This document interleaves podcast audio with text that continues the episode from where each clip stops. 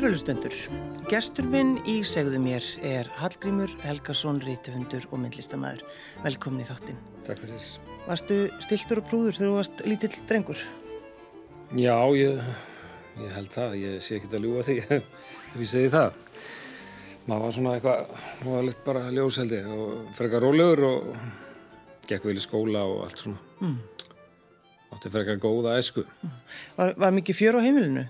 Já, það var mikið fjör í sérstaklega kringum strákana, hérna, týbrabræðu mína. Þegar þeir kom í heiminn, sko, þá, þá breytist þetta allt og allt fór í gang. Hæ? Já, sí, og undan því allt, bara allir töluð með innröðunni, þetta meina það? Já, ekkert sjónvarpa. Það voru náttúrulega aðri tímar, síðan svona, breytist þetta og, en við vorum alltaf mjög náinn og við vorum ekki í stóru íbúð og Ásið bjóðinni hjá mér en Gunni hjá Nínu sýstur, þannig að við vorum svona saman í Herbyrgi lengi. Já, já. Gat það verið svolítið erfitt? Nei, ég, ég bara ég held að þetta væri bara eðlilegt. Já, ég, þannig á það að vera? Já, já var það líka á þeim tíma, sko. Núna býr fólk eitthvað einn í öðruvísi húsum og allir þurfa að síða Herbyrgi. Það er svolítið þannig. Já.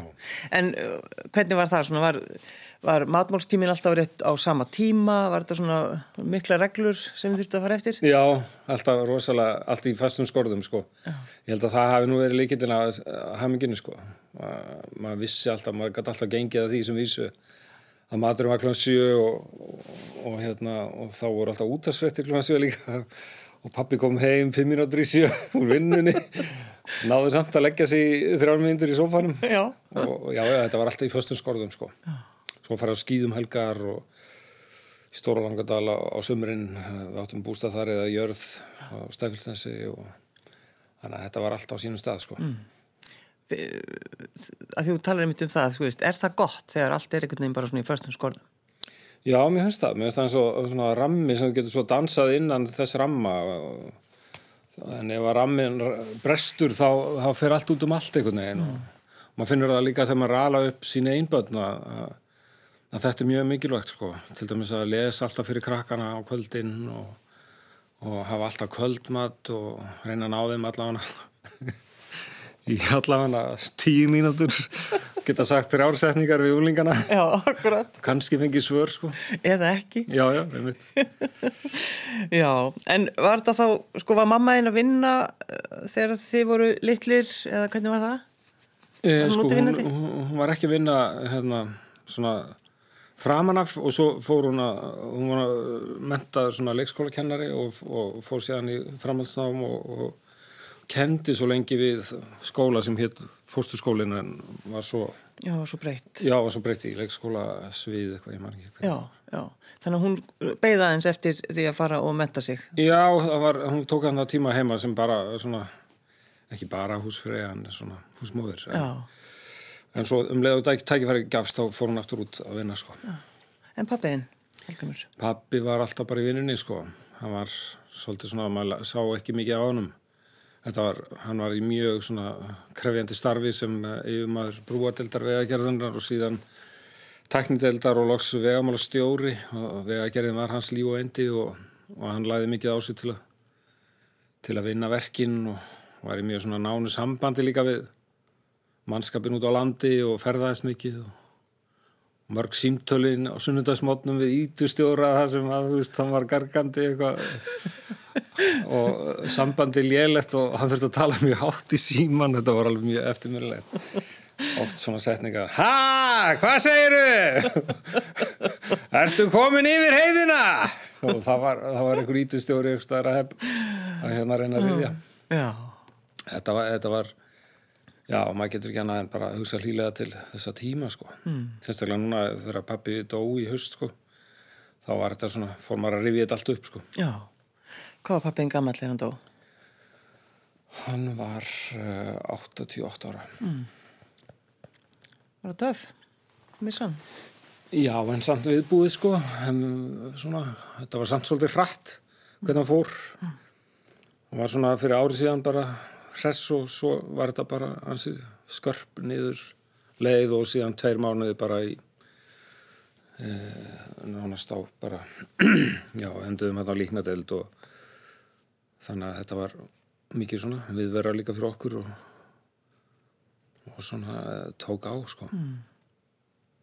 Það er náttúrulega einmitt þessi, þessi tími á líkandeld.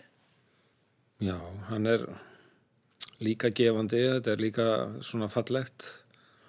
Hann á að kveðjan var mjög mikilvægt og gott. Fengum að gista þarna og það var líka átakalegt að gista við liðin á hann þar sem hann var komin út úr heiminum sko.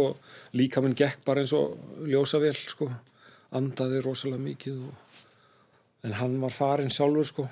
Það, er, það var líka átakalegt.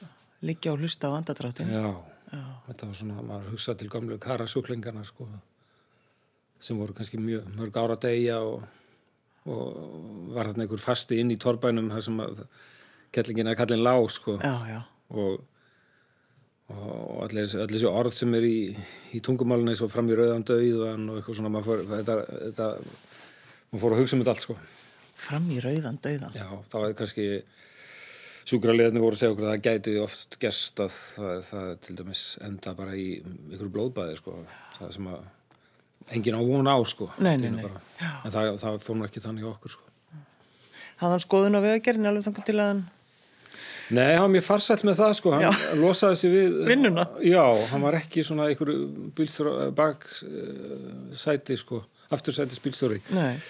Uh, svo þetta var maður þurfti að grafa svona eftir skoðunum hans svolítið, hann var ekki svona, ekki svo ég með allt upp á borðu Já, ég ætla að fara að segja nú það, þið hefur það ekki líkið þannig. mér sko hátt. Það var alveg Páll Rólegur alltaf og svona með einhverja yfirskilvillega ró einhver svona hálfgeir bútískur svona senisti sem að mér dreymdi alltaf um að ná þessum þessu aðruleysi og jafnvægi sem hann var í en ég held ég náði því aldrei. Sættum við það. Heldur sér stránu og seinn. Já, En akkurat skoðanir, Hallgrimur, þú hefur skoðanir eiginlega á bara mjög mörgu. Já, maður þarf alltaf að láta þeirri ljós líka, þetta er stunduð svolítið þreytandi, sko. En hérna, en það, er- er ekki bara eitthvað að gera það, sko. Það er hérna, ef maður sér eitthvað sem maður er, sem blasir við er óriðlæti eða spilling eða og það bara öskrar á mann að, að það er svo augljóst sko. En svo tekur maður eftir því að fólk þorir ekki að segja neitt sko. Ímsir eru í þeirri aðstöðu að vera að þeir hætta þá sínu starfsframa eða eitthvað svoleið sko. En uh, verandi svona sjálfstæður rítuðundur og listamæður þá er maður kannski frálsari á orðum sínum og, og ég tók eftir þessu hérna í gamla daga þegar ég lendi hérna í Daví Ottsinni að, að að það kom fólk til mín svona eftir á og sagði að þetta er einmitt aðferðina sem hann beitir alltaf og, og það er bara engið þóra að segja neitt sko, því að hann hafði svona ægi, ægi valdi yfir öllum þjóðfélaginu náttúrulega bara á sín tíma. Þannig að, að það var nett svona töff sko að fara gegn, gegn á hann sko en, en Þetta vakti mikla aðtigli. já en það, það var bara mjög gott að gera það sko. En þú líka, þú talaður einmitt um þetta allt saman. Þú, þú sagðir frá því að þú hefði verið kallaður á hans fund og Já. allt þetta. Já, það var svolítið svona erfitt sko, ámar, ámar að segja frá því? Tvekja manna tal sko. Já, en fórsætsráðara kallar rítvönd svo hlæður maður bara að því messar sko. yfir hún í klukkutíma þetta er alveg villustjóður, hvað er það að skrifa þetta og eitthvað svona sko. Já, það er náttúrulega ekki bara tvekja manna tal það er náttúrulega bara hálfu ofinbært líka sko. Varstu reyður þegar hann var að tala við þér? Nei, bara leiður eins og maður verður þegar fólk uh, talar svona mikið sem maður bara dettur út og, og þetta er svona orkusugur sko, sem að maður svona, maður er vanur svona fólki sko, en, en það er alltaf svolítið svona, já það er allt nettliðilegt sko Mástu hvernig þið leið, Hallgrimur, þú lappaður út frá honum eftir, eftir þessa ræði? Já, bara eins og svolítið svolítið eins og hálfvita sko, einhvern veginn eh, smá svona skrítið að segja svona smá nöðgunar tilfinning sko þetta var þetta var einhvern veginn þetta var bæðið fyndið en samt ekki og ég vissi ekki hvernig þetta handir þetta sko, það tók mig ára að segja frá sig sko. Ég þá leið heilt ár. já, já, það er bara ég gæti ekki talað um þetta sko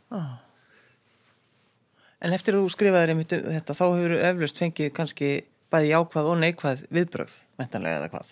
Já, já, ég minkaði til mis bóksölumarkaði minn alveg, skara niður um 30%, það var fylgi sjálfstæðisflokksins sko, því að ég hafi gefið út hann að bóka það höfundur Íslands og, og, og, og hérna, sem var bók, svo bók sem seldist mest af mínu bókum sko, það er að því að Hannes Holmstedt skrifaði um hana grein í mokkan og tók hann upp á sína arma og þá bara opnaðist alveg heil markaði fyrir mig sem höfund og svo lokaðist hann bara þarna árið setna við þetta. Og það er ennþá fólk svona, svona sem er hotni síðu mér og, og alltaf ef maður gerir eitthvað þá, þá, þá koma þessi svona þau eru kallaðar haters í Ameríku. Það er svona flokkur fólk sem að, að er bara á mótum hann sko. mm. og maður og til með daginn var ég með eitthvað ljóð í sjónvarpinu og þá, þá vaknar svona Já. vaknar þessi hópur til að fyrir eitthvað aftur lappirna og þá veit maður að maður er að gera eitthvað svona eitthvað, eitthvað viti sko og maður er lúmst gaman að lesa þessi komment sko En verður sko ferða aldrei einhvern veginn inn í sálatettrið? Ekki lengur, nei, maður er alveg bara, bara gaman að þessu sko En þannig var það kannski ekki fyrst? Nei, nei, þetta er svona gengið og ymsu er þurft að þóla alls konar glósu sko en svo já, með tímarum verður maður að hálfa ónæmur bara fyrir sko. Já, og glottir bara Já Þú hlýtur sem þú verða reyður uh, Meira leiður sko Já, já. Það er svona einstaka komið til ná til maður hát sko mm. uh, Já, þegar fjölskyldan er dregininn eða eitthvað svona sko mm. en en hérna, nei, maður verður bara að lifa með þessu, þú veist, ef maður er að með einhvern strega kæft á torgum þá, þá, þá er þetta eðlilegu fylgifiskur hindi Já, sko þegar þú skrifar greinar, það, það eru oft sko svolítið langar eða ekki? Svona, Já, ég er bara allt mjög langt sem ég skrifa, þetta er minn akkilis að þetta, ég, ég er rosalega ánæður að gáða ljóðabók núna þessi jól sem er 60 blaðsýður hún var meira þess að svo stutt að við þurftum að lengi, reyna að lengja hana sko því hún annars er hún svo brjálæðislega þunn að þetta var vandræðilegt það var sko. bara eins og einhver miskilingur já, það var bara 30 síður sko í, í handreitinu kallar þetta ljóðabók? Já, en hérna, já, ég var mjög glaðu með það sko. Þannig að loksins tóks mér að skrifa stuttabók en, sagt, en já, ég heyrði myndi, það var einhver podcasti að einhver sagði hún var í kannski aðeins oflaung þannig að þetta, þetta bara fylgir mér. Já, en, en hefur alltaf skrifað svona svona, svona mikinn texta já, langan, já ég, ég legg alltaf upp með þetta að verið 100 síður en svo kemur alltaf einhverju hugmynd á leðinni sem veldur því að það verið 120 svo verður þetta frábært þetta var, já, emmitt, þetta er gott já. þetta er svona hlýðast, já, það er 150 og svo er það bara komið upp í 300, 400 sko. þannig að þetta endar alltaf þar sko. mm. það er líka eitthvað svona svona geskjafa element í þessu sko mann að gefa út bóki svolítið svona eins og bjóða í mat heimti sín og mér líður ekki vel nema að sé sko þrýréttað og þegar ég er að gefa út bók þá vil ég bjóða upp á þrýréttaða máltíð.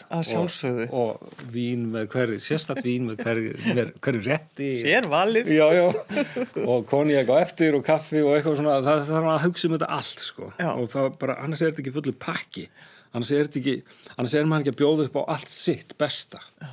og þá er þetta alltaf 400 síður sko pluss. En þegar maður, Hallgrimur, þú hefur kannski stundum verið að svara einhverju, einhverju gaggrinni eða eitthvað, slí, eitthvað slíkt, þú, sko, þú, þú virðist vera mjög kurteis maður. Já, svona one on one, svona. Nei, bara, þú veist, maður hefur lesið, sko, eða lesið það sem þú skrifar stundum og, og það er eins svona, já. Já, finnst nú öllum ekki ég verið kurteis, held ég, sérstaklega fólki sem verið fyrir barðinu af einhverjum svona skrifum, sko. Já. En mér finnst alltaf að láta vald, eh, fólki valdastöðum eða ennbættum heyra það. Sko. Já, það, einmitt, já, já. það þarf að bara taka svo leið. Sko. En svo hefur líka fólk eh, verið eh, ósátt í skáldsögur sem ég skrifaði upp Akkurat. úr þá heimildum og þekkir viðkomandi. Mm -hmm. Það er ekki allir glæðið með það. Nei, en þú er einmitt svarað slíkum, slíkir gaggrinni einmitt, um, mér þykir leiðilt að hafa sært ykkur eða eitthvað. Já, já, hvað getur maður annað? Það er bara þetta er svona ákveðin púki sem fylgir listinni sko, eitthvað mm. svona sem maður þarf að sinna sko og, og vil sitt sko og það er ekki alltaf, ég lísti þessu nú einhvern tíma þannig að maður getur valið sko að vera meðlungshöfundur en mjög góð manneska Já. hafa alla góða og gera svona nettafallega bók sko eða þú vilt vera góður höfundur og þá stundum slæm manneskja. Það fylgir því kannski, ég veit ekki. Þannig að þú vart að velja þarna á milli og þá myndi ég alltaf velja að skrifa góða bók, sko. Þó ég móki eitthvað eða fara ítla með eitthvað eða særi eitthvað, mm. þá verður það bara kannski að hafa það. Já. Varstu ánæður með viðbröðin af- bókinniðinni með sólskinnið, 60 kíló? Það kom svo, svo skemmtileg viðbröð við þeirri bók. Já. Námskeið? Já, námskeið á Já. það var skemmtilegt það er bara verið mjög ánægilegt allt í kringum þá bók. Bækur eru svona svolítið mismunandi, fara sína leiðir og, og vekja þessi og hinn viðbröðin og þú veist aldrei og stundum gengur þetta allt upp sko eins og með þessa bók. Og svo stundum er það erfiðar og þingra sko. Þetta er, og þetta hefur, rosa, það hefur áhrif á mann sko. Það er rosa erfitt að vera í flóði með, með, með smá mótvind sko. En, en þarna var bara sólskinn og eins og titillinn bara með sér. Og nú var hann komið til Þýskalandi og það er sama þar, það er bara mikil ánægja og, og, og gleði með þessa bók sko. Já. Og, og þú varst er það ekki, Hallgrimur, að hitta lesendur? Þú fórst norður, er það ekki, á þetta námskeið? Já, uh, þetta var hann Marget Njarvík sem, sem er núna rektor á Bifröst en, en var hérna, er, maðurinn er, er með hótelið þannig að Siglunes og þau ákvaða að kombinir þetta allt saman sko og hafa sagt, námskið um bókina á Siglunesi og fengum þar að borða hennar stórkustlega mat sem Marokko kokkurinn er með hana bara eitt besti reytingarstaða landsins og, og þetta var bara algjör upplifun. Þá komaði eitthvað 20-30 manns sem að keiftu sig þarna inn á þetta rám- námskeið og svo farið í gönguferðir yfir í Híðinsfjörð og, og röldum staðinn og við lásum upp og Silja Aðstæðins var með svona erindi um bókina og, og þetta var náttúrulega Þetta var svona eins og ná, fyrir mig að upplifa svona end, endurmöntunar námskið í mínu eigin bók sem var mjög skrítið sko. En skemmtilegt og, og líka að hitta þess að lesendur og heyra þeirra sjónamið og hvað þeim fannst sem gaf mér svona mikið kikk og feedback og, og hugmyndir fyrir næstu bók. Því að ég var búin að ákveða að skrifa framhaldi að, að þessari bók sko sem ég er núna komið langt með sko. Þannig að allt, allt var það þetta dýrmætur svona einhvern veginn skóli inn í það sko. En Verður stundum svona hálf feimin einhvern veginn við, við svona viðbröð eins og þarna, þannig ertu bara stendur á móti fólki sem er búin að lesa bókinu og hefur alls konar skoðanir, Já, námskeiði kringum þig og allt þetta. það var það svolítið fyrst sko. Og maður bara vá, þetta fólk er búið að eigða miklum tími að lesa. Svona, en svo eh, núna, já, maður, maður er vanur, þessu sko. Já.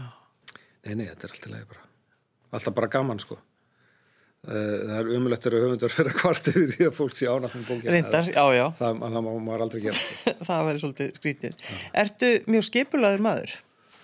Já, bæði og svona hefilega óreiða en ég ger alltaf svona eitthvað plön og, en daglega rútínan er mjög skipulög því ég reyna að vakna mjög snemma og fara í vinnuna bara og, og vinna mína vinnu eins og skristof maður bara frá 9 til 5 eða 8 til 5 eða eitthvað svolítið sko en um eitthvað núna ég þarf alltaf að hætta fjögur til að fara að ná í yngstu dótturina á leikskólan eh, sem ég veist alltaf svolítið erfitt að gera. Þetta er alltaf svona fjögur finnst mér svolítið snemt sko.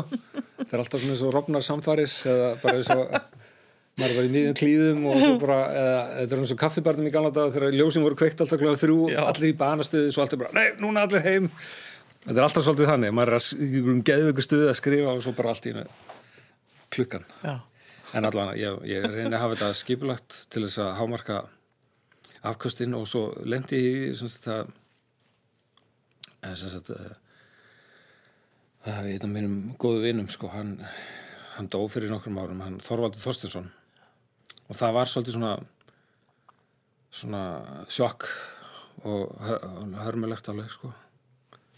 En, en eftir það þá, þá hugsaði svolítið öðruvísi. Það breytti svolítið svona viðþorfum mínu bara bæti lífsins og líka sérstaklega vinnunar maður hugsaði bara hver er munurinn og mér og Þorvaldi? Hann er, er farinn en ég er einna ennþá og ég get gert hlutina.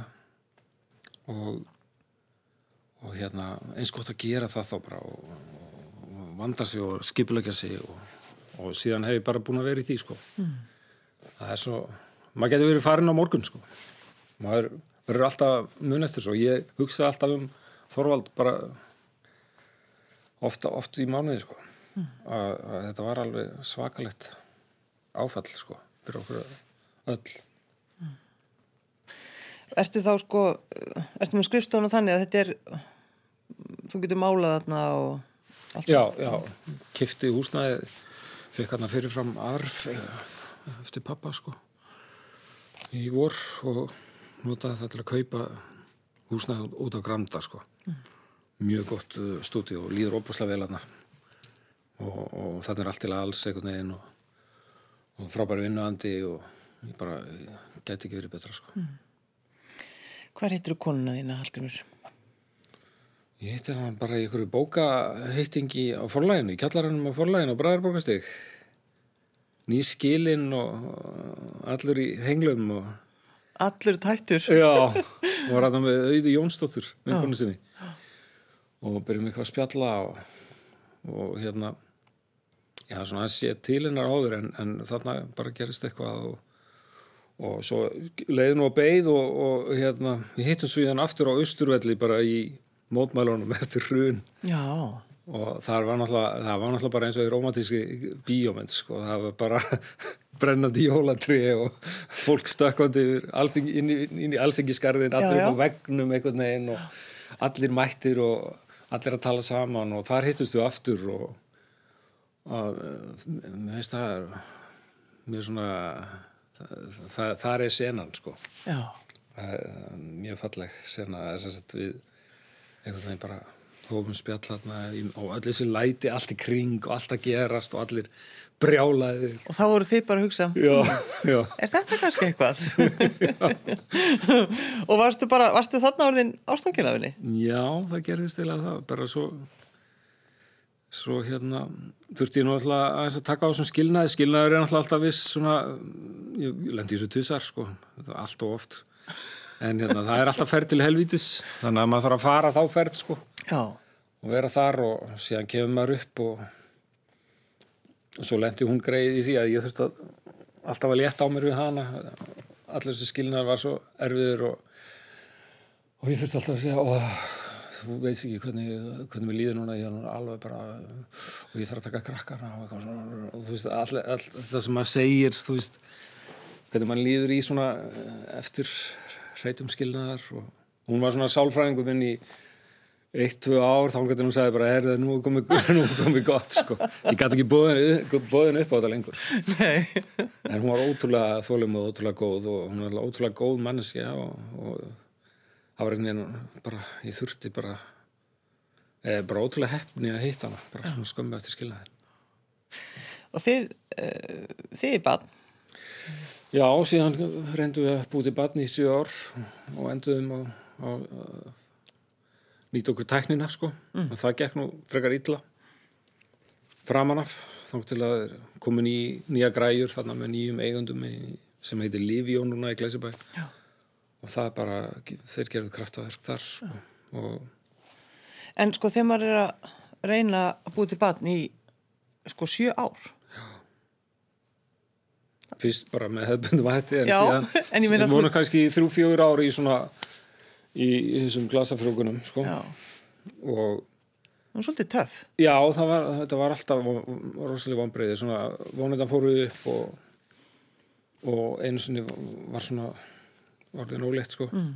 og svo og svo datta niður aftur og, og já, þetta var alveg ægilega rússipanni og því líka gleðin þegar þetta gerðist lagsins þegar dóttir okkar kom í heiminn hann 2017 mm. Hún er verið þryggjára núna 18. desember þannig að það var það var, það var búið að býða lengi eftir henni og henni var vel tekið og sérstaklega gaman alltaf að sjá öglu sem átti ekki badd fyrir en átti alltaf henni að drauma badd já, að þetta hefur bara þeirra samband er rosalegt sko, ég á ekki breyki í þetta. Ekki, Nei, þetta ég er svolítið svona það gamli kallinn fyrir þetta verður stundum alveg, pyrraður, Já, og svo er ég náttúrulega komið með batnaball líka og þannig að þetta blandast inn í sko. Afalhutverkið og föður. Þetta sein að vera svona eldri faði sko. Hva- hvernig gengur það einmitt, verður, ertu þá öðruvísi afi eða, Það er mjög þægilegt sko, Málfríði dóttir okkar, hún er, hún er mjög svona gammel kló og skemmtileg sko og alltaf þegar Nína barnabandi kemur í heimsókn þá tilkynir Málfríður pappi, nú ert þú afi, nú ert þú afi þannig að þá er ég komin í afalhutur og þá kallar hún mig afapappa eða afa eða eitthvað sko henni fannst þetta rosa rugglandi fyrst en nú er hún búin að ræla, læra reglurnar og alltaf þegar nína stígur fyrir þröskuldin þá er ég orðin afi sko. Þá ert þú afi. Já. Og það fyrir líka þá að þú getur spilt og leifir allt. Og, Já, og þá breytast aðeins svona Breytast það er svona mjög umfram um að eh, Nína kom í heimsókn. En, en finnst þú vera sko gamall pappi? Já, bæði og sko þetta er náttúrulega yngi mann upp og, og hérna ég held að eh, þú veist, maður skrifi kannski bara betur sko, þetta er einhvern veginn, maður er nær uh, lífsbrunninum veginn að hafa hana nýfætt batn í höndunum það, það gefur eitthvað sko. Ég held að það gefur mér eitthvað inn í þessa bókana 60 kíló á solskinn, ég var ekkert að ræða þetta í útlöndum og einhver spurði, er þetta besta bókiðin og ég sagði, já, örgla og, og það var hérna eldri höfundur hérna, sem var að lýsa sinni bestu bók og það var einmitt þegar hann átti sínböld sko, kannski er þetta hérna einmitt, þegar þú átti ekki að hafa tíma til að skrifa sko, og gera þetta allt, þá, þá, þá er þetta að gera bestu hlutina sko. Þegar þú fannst að þjóta alltaf á leikskólan og, og gera þetta allt og, og hérna. Þannig að þegar fólk horfir á, á, á baki á þér Hallgrimur sem þú ert orðin mjög pyrraður að fara að ná í banni á leikskólan og þetta orðin allt og sein Já. þá veit maður það. Og þú ert samt hafmyggju samur Strindberg sagði þetta, hann vildi alltaf hafa ung börni kringu sig, þá skrifaði hann best. Já. en hann alltaf þurfti ekki að hafa ágjörðið að Hann hugsa þurfti um ekki það að ná í, sko. ná í neitt í leikskóla það veist ábyggilegt En uh, þú ert náttúrulega að gefa út bók núna. Já, Hvað heitir hún? Við skjótum títubrónum, ljóða, ljóðabók styrsta bóki mín. Já. Sem þú nefndir hérna áðan. Og ætlaður að, þú þur- þurftir að lengja hana það ekki, eða hvernig Já, var það? það? er með lengjan aðeins í leiðjátinu Já, það, er það er hægt með alls konar tryggsum. Stækka letrið, auka línubil. Já, já, já, þetta er svoleiðis. Það er svona hálfum síðum. Já, sem maður- ljóðskáld er náttúrulega í því bara að taka eitt ljóð og lengja hann upp í heila ljóðabók með því að hafa tvær línur á hverju síðu sem ég svona finnst það er kannski aðeins umhverfis og umhverfisvænt. Já, já, Ma, maður gerði svolítið maður var að skrifa rítgerði Já. í framhaldsskóla. Reyna að tegja á þeim. Já, en eh, er það þannig sko, þegar þú ert að ala stelpunni þína litlu sko, finnst þú að vera öðruvísi pappi heldur en sko, elsta stelpaði náttúrulega hún er náttúrulega já, já, og búin að eiga bat fætt 84 sko. Já, þannig að, já þannig að þetta er þegar mikið þú sér sjálfan þig þar sko og Já. núna, hvernig, hver er Já, mjög ólít sko, maður var alltaf svo óþölumóður sem ungu maður, þá vildi maður bara komast á barinn og, Mhm. og, og ég var ekki semst í hjónabandi þá og þetta var svona Þú varst bara upptikinn skot út í bæ sko og þannig að uh, já, maður, maður, maður svona næstu bölvað alltaf að þurfa að fá, fá krakkan í heimsó og, og eitthvað svona sko sem maður má, alltaf segja en samt var það stundu þannig og, en núna einhvern veginn allt öðru vísi og, og við leiðum henni líka meira og meiri svona skilningur og til dæmis færum stundum ára sjónvarpi á virkun modnum sko áður um fyrir leikskólan eða eitthvað svona sko. Já, já. þetta var algjörlega bannað bara fyrir nokkurum árum þegar ég var með unglingana sem er unglingar í dag sko. Þannig að maður breytir svona, maður verður meira tolerant kannski og, en, en, og leifir henni kannski meira en, en gefur henni kannski líka á móti ennþá meira. Þannig að þetta er örugglega bara fín blandar sko Er það ekki? ég held að Sko, nú er náttúrulega bróðinn og eiginkona þín, með, þau eru bæði með uh, bókaútgáfu. Það er, uh, Agla er með angustúru Já. og Ási með drápu. já, En þú gefur ekki út bækur, þau eru ekki að gefa út þína bækur. nei Af hverju? Mér finnst ágætt að hafa þetta aðskilið bara svo að sé ekki eitthvað til dæmis ef ég kemur með eitthvað lélega bók og Agla myndi bara gefa hann út og Já, mynda ekki gaggrína neitt. Já, já, já ég skil sko. maður þarf að vera eitthvað svona svona atvinnumennska í þessu og það þarf að vera aðhald og það þarf að vera yfirlestur og fólk þarf að segja nei. Þetta var ekki alveg nóg gott eða eitthvað svona, sko, maður þarf að heyra það. Og svo, svo líka þarna umbós uh, þurfum með umbósteld sem selur bækunar erlendis, ég myndi ekki vilja missa það Nei, einmitt. það er forlæð sem ég er hjá sem er ein- eina forlæð landsins sem er með svoleið sko. þannig að það eru miklu kostir að vera eina stóru og öflugu forlæði sko. Já, og einmitt- eins og þú nefndir að, að 60 kíló eru komin út núna í Þýskalandi. já, kom út Þýskalandi í oktober Já, þannig að ég er í svona kannski meira í jólabókaflóðinu þar sko.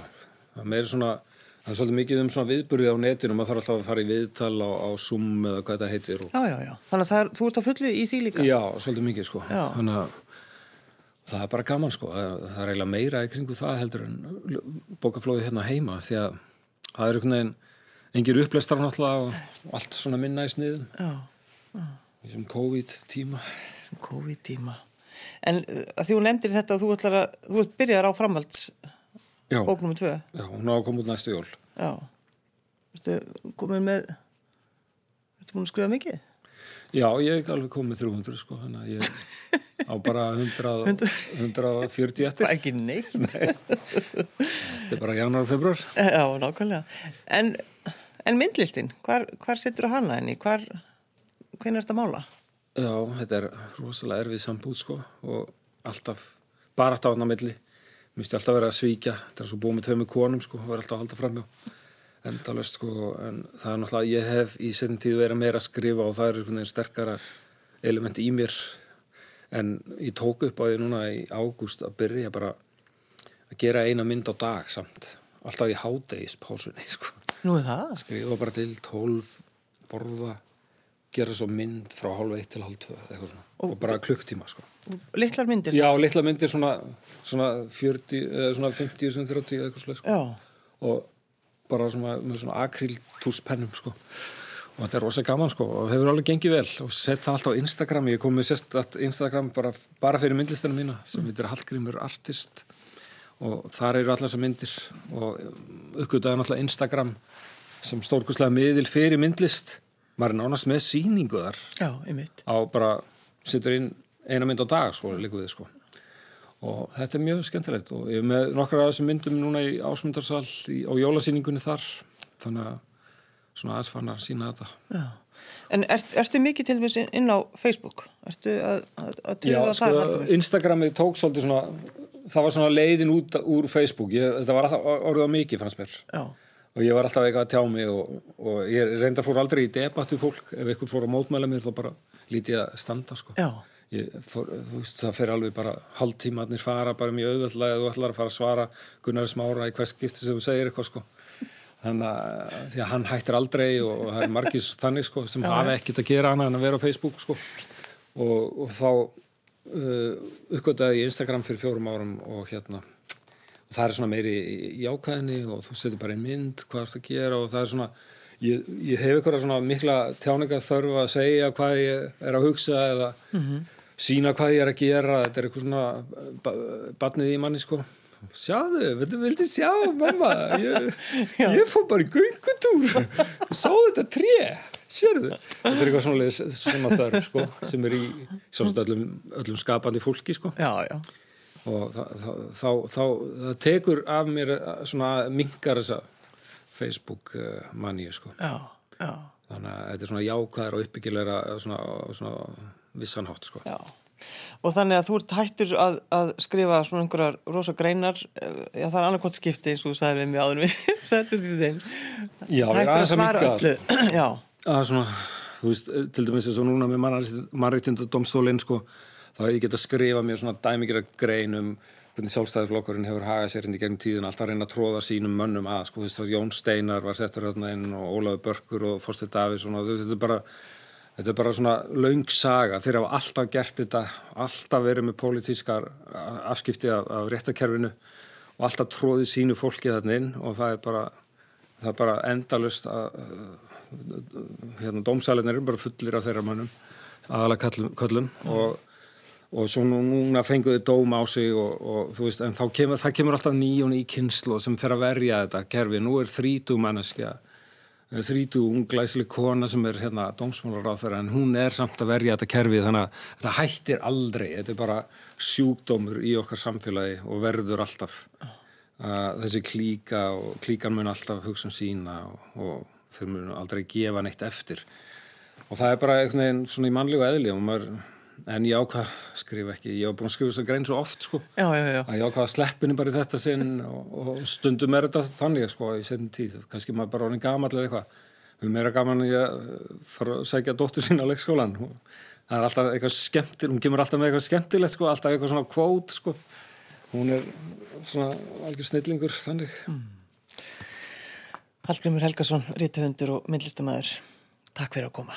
Já, takk fyrir.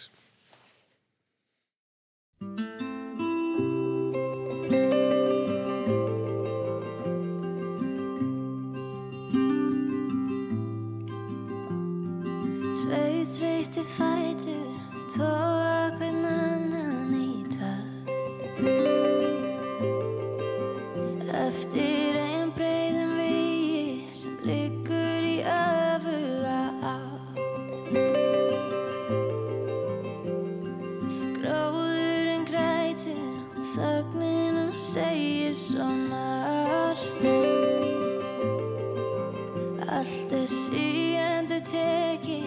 samt eða svo mikið og satt.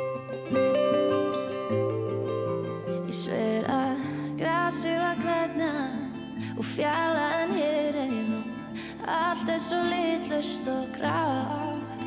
Ég get leitað og leitað fram að heimsend og út og gefið allt sem ég